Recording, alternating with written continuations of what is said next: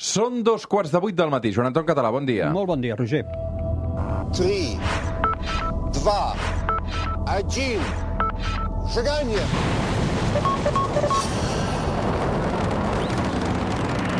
One small step for man, one giant leap for mankind. Això és la Terra es plana cada diumenge a l'hora que surt el sol amb el Joan Anton Català. Parlem i mirem cap al cel i expliquem algunes de les uh, històries que hi passen, uh, les que sabem, perquè n'hi ha moltes que Exacte. estan per descobrir. Sí, senyor. A veurem si tenim temps d'explicar-les, les que estan per les descobrir. poguéssim anar explicant, sí. Avui eh, demanem a tots els oients que traieu el calendari perquè repassarem algunes de les properes dates imprescindibles de l'astronomia i de l'exploració espacial.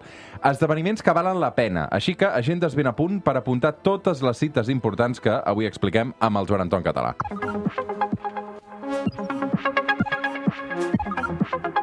Just abans de Nadal, 13 i 14 de desembre, Sí. dies en què veurem la millor pluja d'estels dels propers anys. A veure, això, clau, hem d'apuntar el que tu deies, eh, sisplau. Després no ens queixem, si no ho apuntem. Molt bé. Tenim els gemínids. Els gemínids tindran el seu, és una pluja d'estels, tindran el seu màxim la nit del 13 al 14 de desembre d'enguany. I paga la pena veure-ho eh, en el guió hi havia posat per dos motius, per tres. A tres veure, tres. tres motius. En primer lloc, els gemínids són superiors a les llàgrimes de Sant Llorenç. Eh, superiors vol dir que acostumen a tenir més fugisseres, més meteors que podem veure. Això és la primera raó. La segona, perquè enguany tindrem, coincideix amb la lluna nova, és dir, no hi ha lluna. Per tant, si la meteo ens acompanya, això vol dir condicions ideals per gaudir d'aquest aquest espectacle. Donar xifres sempre és molt perillós amb això de la pluja d'estrelles perquè depèn de si tens núvols, de si hi ha llum de ciutats, en fi, de la teva agudesa visual, de la paciència, de moltes coses. Però, si tot va en condicions ideals, que mai no es donen exactament així, es podrien veure fins a 120 meteors per hora. Però això mai no és així, eh? Mai no és així, aquestes ideals. I la tercera raó és perquè algun cop hem explicat que les pluges d'estels es provoca quan la Terra creua el pas d'un antic cometa, i els, o antic o no, antic, i els cometes eh, deixen anar milions de petits fragments que queden en òrbita i la Terra, aquells dies, quan creua per allà, escombra aquests fragments que entren a l'atmosfera, es cremen i això és el que eh, ens dona les fugisseres. Però els gemínids no estan són una excepció, no estan provocats per un cometa, sinó per un asteroide que es diu Phaeton, que té 5 quilòmetres de mida i de, de manera inesperada per un asteroide ens deixa al darrere quantitat de fragments que són els que ens donen aquesta, segurament la més bonica de les pluges d'estels. Per tant, ja sabeu, eh? la nit del 13 al 14 de desembre.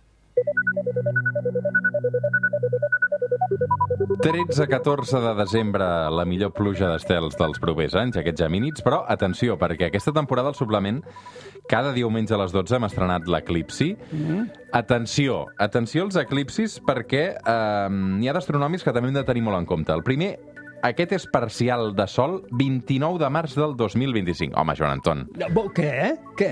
O tampoc queda tant, no? No, és que ho tindrem aquí, aquí a sobre. I llavors que n'hi ha algun, el que eh, després direm del 26, Sí. que més val que te l'apuntis, Sí, perquè sé, si sé. no et donarà que estaràs fent alguna cosa i te'l perdràs. Bueno, comencem. Després de molta sequera, tenim eclipsis i dels bons, eh, que venen cap aquí. El primer, un eclipsi parcial. Aquest serà parcial, és per fer boca, eh? el 29 de març del 25, eh, que serà la preparació del gran esdeveniment de l'any de després. No? Eh, a Catalunya aquest eclipsi parcial començarà a les 11 i 02 del matí i cap a les 11.45 el sol s'haurà tapat sobre un 24%, per tant molt poc, molt poc. Recordem, mai, mai, mai s'ha de mirar un eclipsi de sol a simple vista ni utilitzant elements com una radiografia, un vidre fumat... És la millor manera de jugar-se-la a perdre la vista. Sempre amb elements homologats, ulleres o altres instruments homologats. Eh? Recordem que la causa d'un eclipsi de sol, això és important que ho diguem perquè ara en venen alguns altres, és que el disc de la Lluna s'interposa entre nosaltres i el Sol de manera que oculta una part o tot el Sol. Eh? I a l'eclipsi el veurem, com sempre, progressar lentament eh, com es va mossegant, aquella figura típica no?, d'un Sol mossegat. Aquest del 29 de març del 25 és només parcial. Vist des de Catalunya, per tant, només està per un 24% i no ho notarem a la vida quotidiana, pel carrer no ho notarem, però si amb ulleres mirem el sol el veurem mossegadet. Per tant, l'eclipsi bo arribarà al 2026. Un eclipsi Aquest, total aquest, de sol que podrem veure en tio, ple agost. És a dir, aquest. en ple estiu, en ple agost, Es fa de nit. De dia es farà de nit. Ah, es fa de nit. Aquests són els que passen cada aquest. diumenge a les 12. Ah, aquest. I surten els estels, i baixa la temperatura, i se't posa el pèl de punta, i els animals es tornen bojos durant uns dos minuts. Aquest. Aquest. Jo em vaig viure un de molt petit, que no sé si és un somni o, o, o Mm. la realitat, que crec que ens va enganxar a París. Sí, a París n'hi va haver un, sí. No sé quan va ser, però sí, sí. Sí, sí, sí. Pot ser que el veiessis fa... fa... Sí? Sí, De, de, sí, de vacances amb la Sí, família. pot Però fa molts anys, eh? pot ser. Pot ser, sí, sí. I aquest es veurà uh, Aquí, ara aquí, ho eh? expliquem. Eh? Així com normalment hem de viatjar per veure'ls, perquè a vegades passen en llocs remots, jo em vaig anar a veure un amb la família l'any 2017 a, a Oregon. Aquest el tenim, mira, és el 12 d'agost del 26. Eh? I de nou, si el, la meteo acompanya, tindrem l'espectacle més fascinant que hi ha a la natura.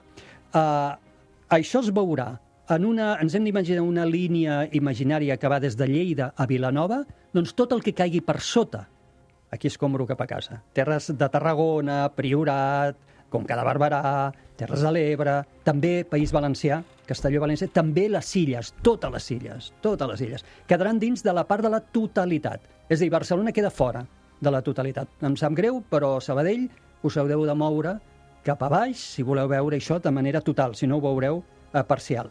A l'inici, a l'horari d'inici, serà a les 19.35, per tant, ja quan el sol ja vagi baixant cap a l'horitzó. I a les 20.29 ja al màxim, amb el sol amagant-se quasi a l'oest. Això, Roger, és extraordinari. Per què? Perquè tots aquells que puguem fer fotos amb elements preparats de la part de la totalitat de l'eclipsi, podríem enganxar el sol sobre l'horitzó. Mm. És a dir, les fotos poden ser espectaculars des de Catalunya, perquè imagina't un skyline, pot ser o de ciutat, o de camp, o de muntanya, o de platja, és igual. Uh, no, de platja aquí és difícil perquè es pondrà cap a l'oest, però amb el sol ponent-se i totalment eclipsat. Va, va, és espectacular. Com més centrats ens trobem en aquest pas de l'eclipsi, més durarà la fase de la totalitat, aquesta fase en què es fa de nit. Val? Per exemple, ho he calculat, a la ciutat de Lleida o de Tarragona eh, tindrem dos minuts, dos minuts de totalitat. Uh, suficient... Quan dius de totalitat vol dir que eh, negra nit tampoc, no? Sí, sí. Sí? Bueno, sí. Negra nit, a veure, no és negra nit No. perquè... perquè És però- un vespre... Sí, no, no, però molt més que vespre. Molt, no, no, no, surten els estels. És molt més que vespre. No és nit tancada, simplement en aquell moment et pots treure les proteccions. És el moment en què et pots treure les ulleres i mirar directament al sol, perquè no el veus. Però sí que veus el sol envoltat clar. de l'aurora, Sí, sí. i això és el que... De, de, la corona, perdona, no de l'aurora, de la corona solar, i això és el que dona una mica de llum, però surten els estels més brillants. Surten, la temperatura la notes baixar, eh? Va, Li és- brillen els ulls al Joan Sí, Anton Català és només d'imaginar-ho, eh? Increïble. Bueno, llavors, Castelló, 3 minuts de totalitat. Palma de Mallorca, 2 minuts de totalitat. Per tant, dits creuats perquè aquell dia no estigui núvol. I si està núvol, preveure-ho amb temps i agafar el cotxe i moure's a un lloc que no, que no ho estigui. Pensem que l'eclipsi entrarà per Galícia. Eh? I, per tant, entrarà per Galícia, la part nord de, de, de Castella, Aragó, i entrarà per eh, sota de, mm. això que dèiem, una línia entre que va de Lleida a Vilanova, per sota.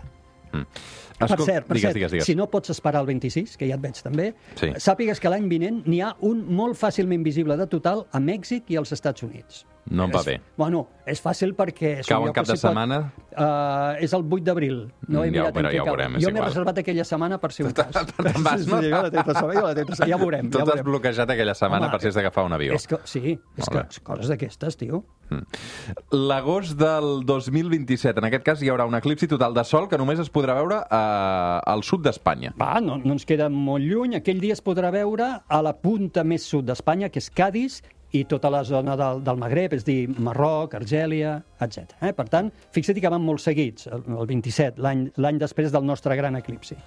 I després, per veure una altra Catalunya, haurem d'esperar fins al 2028. Que no és molt, eh? 28, i això serà un eclipsi anular. Vol dir que la Lluna serà, es veurà com una, un xic més petita que el disc del Sol i no el podrà ocultar del tot, eh? però serà també força espectacular. Per tant, mira quina tirallonga d'eclipsis tenim en molt poc temps. Avui amb el Joan Anton Català parlant i repassant calendari sobre fenòmens astronòmics dels quals doncs, eh, no ens podem perdre. Hem parlat d'eclipsis, hem parlat també de la pluja d'estels i ara parlem dels asteroides. En podrem veure aviat d'asteroides? Sí, sí, no, no ens fan gaire gràcia, però afortunadament cap perill. Eh? El 7 d'agost del 27, un enorme asteroide que s'anomena, simplificadament, 1999 AN10, que té un quilòmetre de mida, això és moltíssim, passarà a 390.000 quilòmetres a la Terra, això vol dir molt a prop amb escala còsmica, i durant la nit es podrà veure en prismàtics. Però això no és res comparat amb el que t'explicaré a continuació. A veure, el 2029, atenció perquè arribarem a un asteroide metàl·lic. Exacte. No, no és que ell vingui, sinó que nosaltres anem cap allà. I és la missió Psyche, que, si tot va bé, doncs arribarà a, a l'agost del 29 en un asteroide que té el mateix nom, Psyche, i que creiem que és completament o pràcticament metàl·lic. Té 200 quilòmetres de mida. Imaginem el que és un objecte de 200 qui- quilòmetres de mida fet de ferro i de níquel. Uh, els científics admeten, però, que tenim dubtes. No, no les tenim totes de, del que ens trobarem quan, quan hi arribem. Eh? Però tenim sospites bastant evidents de que és metàl·lic, uh, segurament provocat per impactes que devien despullar aquest objecte del mantell rocós i deixar només el nucli. Com seran les imatges, les fotografies que ens enviï la sonda Psyche quan hi arribi? Va, això pot ser espectacular. Agost del 29. I el 13 d'octubre del 2029, Aquí. Aquí és on patíem, ho vam explicar fa, fa unes dues setmanes, serà el dia en què el temudíssim asteroide Apophis passi res, eh, però és que tocant pràcticament la Terra, a 30.000 quilòmetres d'altura. Això vol dir més baix fins i tot que els satèl·lits geoestacionaris. Serà visible com un punt de llum que es mourà amb els cels nocturns d'Europa, d'Àsia i d'Àfrica. I quan el miris, Roger, és allò que algun cop hem parlat, no?, de la fortuna de la vida. Un objecte d'aquest sí que hi és, eh, podria fer una malifeta tremenda, tindria efectes a escala planetària. I aquí passarà sense cap mena de perill, no hi ha, hi ha zero probabilitat d'impacte, però és un recordatori de la fortuna que tenim de ser vius i que la natura ens podria treure d'aquí quan li donés la real gana.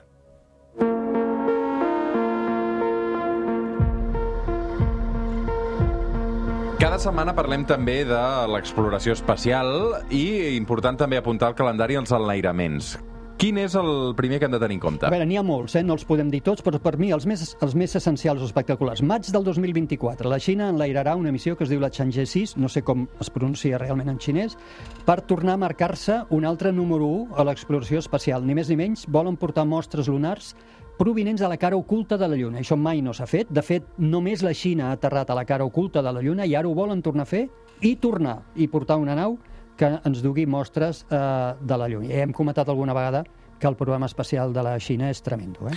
Setembre 2024, d'aquí tot just un any. Què hi passarà? Els japonesos. Aquí s'enlairà la missió japonesa, que és la MMX, que té com a objectiu de recollir mostres, ja veus que això està de moda, recollir mostres i portar-les de la Lluna de Mart que es diu Phobos. Phobos. Això creiem que és un asteroide eh, capturat. Phobos i Deimos són dos asteroides, creiem, capturats, satèl·lits petits, de forma amorfa, que té Mart.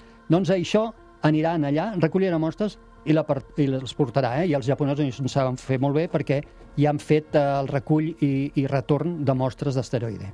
I després arribarà el torn de la NASA. Clar, i aquestes són les grosses. Eh? L'octubre del 24, la sonda Clipper de la NASA se'n va cap a Europa, un dels satèl·lits de Júpiter. Uh, és una missió que estem esperant tots des de fa molt de temps, perquè sabem que Europa té un oceà global sota la seva superfície gelada i volem saber què hi ha sota d'aquesta superfície a la cerca de vida. I la NASA, per cert, que tindrà una tarda ocupada perquè el 2024, el mes de novembre, es podríem enlairar l'Artemis 2. Això és el començament del retorn humà a la Lluna, és una data provisional, podria haver-hi eh, endarreriments, se n'anirà a la Lluna. Aquesta missió amb quatre astronautes a bord, cosa que no passava des de l'any 1972 que quatre persones anessin tan lluny, és dir, a la Lluna però encara no hi baixaran, eh? Uh, faran algun tom, donaran algun tom a la Lluna i tornaran. En això el que es vol és provar totes les naus i tots els protocols que utilitzarem uh, per la data, per la missió Artemis 3, que ja sí serà l'aterratge a la Lluna i la data d'aquesta Artemis 3 és molt incerta, eh? ho, ho explicàvem també, s'apunta el 2025, però em temo que ens anirem fàcilment al 2026. Per cert, Joan Anton, eh, hem de parlar d'una jubilació, també. Um, ho hem comentat alguna vegada, però això mm, tampoc queda tant. No. Uh, L'Estació Espacial Internacional. Se'ns fa velleta, com tot, i el 2030 és quan s'espera que la NASA dongui per finalitzada la vida útil de l'Estació Espacial Internacional. Abans ho haurà fet Rússia. Rússia s'haurà retirat del projecte segurament un parell d'anys o tres eh, abans i en el moment en què els Estats Units es retirin, allà acaba el projecte perquè els altres socis de l'estació, que són Japó, Europa i Canadà, són minoritaris i, òbviament, doncs, ja allà s'acabarà l'estació espacial. Fa dies, la NASA va obrir un concurs d'idees a la indústria per tal de trobar la manera de controlar aquesta caiguda d'una nau que és immensa i dirigir-la cap a un lloc segur. segurament cap al punt Nemo. Eh? Recordes que vam comentar que hi ha un, un cementiri de ferralla a l'oceà Pacífic, el lloc més remot que hi ha a la Terra. Uh, per part occidental no hi haurà nova estació orbital en mans de governs i tot es donarà a mans de la indústria. I aquí Jeff Bezos, Amazon, diríem, el propietari d'Amazon, ja ha aixecat la mà i ha dit jo construiré la pròxima estació espacial. I perquè fa a la Xina, ells ja tenen la seva pròpia estació espacial i segurament continuaran expandint-la o millorant-la, molt probablement amb l'aliança amb Rússia. Mm. Déu-n'hi-do, eh, impressionant aquesta estació espacial internacional, el rendiment que, que ha tingut. És on va anar el Pedro Duque, no? Aquí? Correcte, sí. Ha estat permanentment habitada des de l'any 2000. Ara fa poc acaba de, de tornar un, un astronauta americà, Rubio, Quantes temporades, quant temps hi estan allà? uns, normalment, normalment uns sis mesos. Sis mesos. Aprox, però acaba de tornar Rubio i Rubio ha estat una mica més d'un any. Per tant, de tant en tant fem experiments i fem que una persona s'hi quedi una mica més temps del previst. El Pedro Duque hi va estar mig any, crec, no? Uh, sí, eh, no sé quan, però això és l'estàndard. L'estàndard és que tu hi pugis i tornis a baixar en unes estances, que això, de mesos. De mesos. Uh, com et dic, uh, de tant en tant fem estar més perquè estem aprenent de l'espai, dels efectes que té l'espai amb el nostre cos. I justament estem aprenent, eh? Sabem que la mala anomenada ingravidesa, que no ho és, allà hi ha gravetat, faltaria més, el que hi ha sensació de manca de pes, que és completament diferent, és com si tu caiguessis per un ascensor, per, o per un forat d'un ascensor, gravetat n'hi ha, és el que et fa caure, només que tu no notes el teu pes. Eh? Aquesta és la sensació que ells tenen quan estan a l'estació espacial. Doncs això té efectes en el nostre cos i s'estan començant a estudiar i alguns efectes són in importants si volem que la humanitat sigui un bon viatger de l'espai, cosa que podrà ser. Eh? No hi ha res de moment que haguem descobert que impedeixi que l'Homo sapiens pugui ser un bon viatger de l'espai, però no és fàcil i, i ja haurem de desenvolupar algunes teràpies o alguns medicaments per ajudar a que, per exemple, la pèrdua de massa òssea no sigui com d'important estem veient que ho és. No?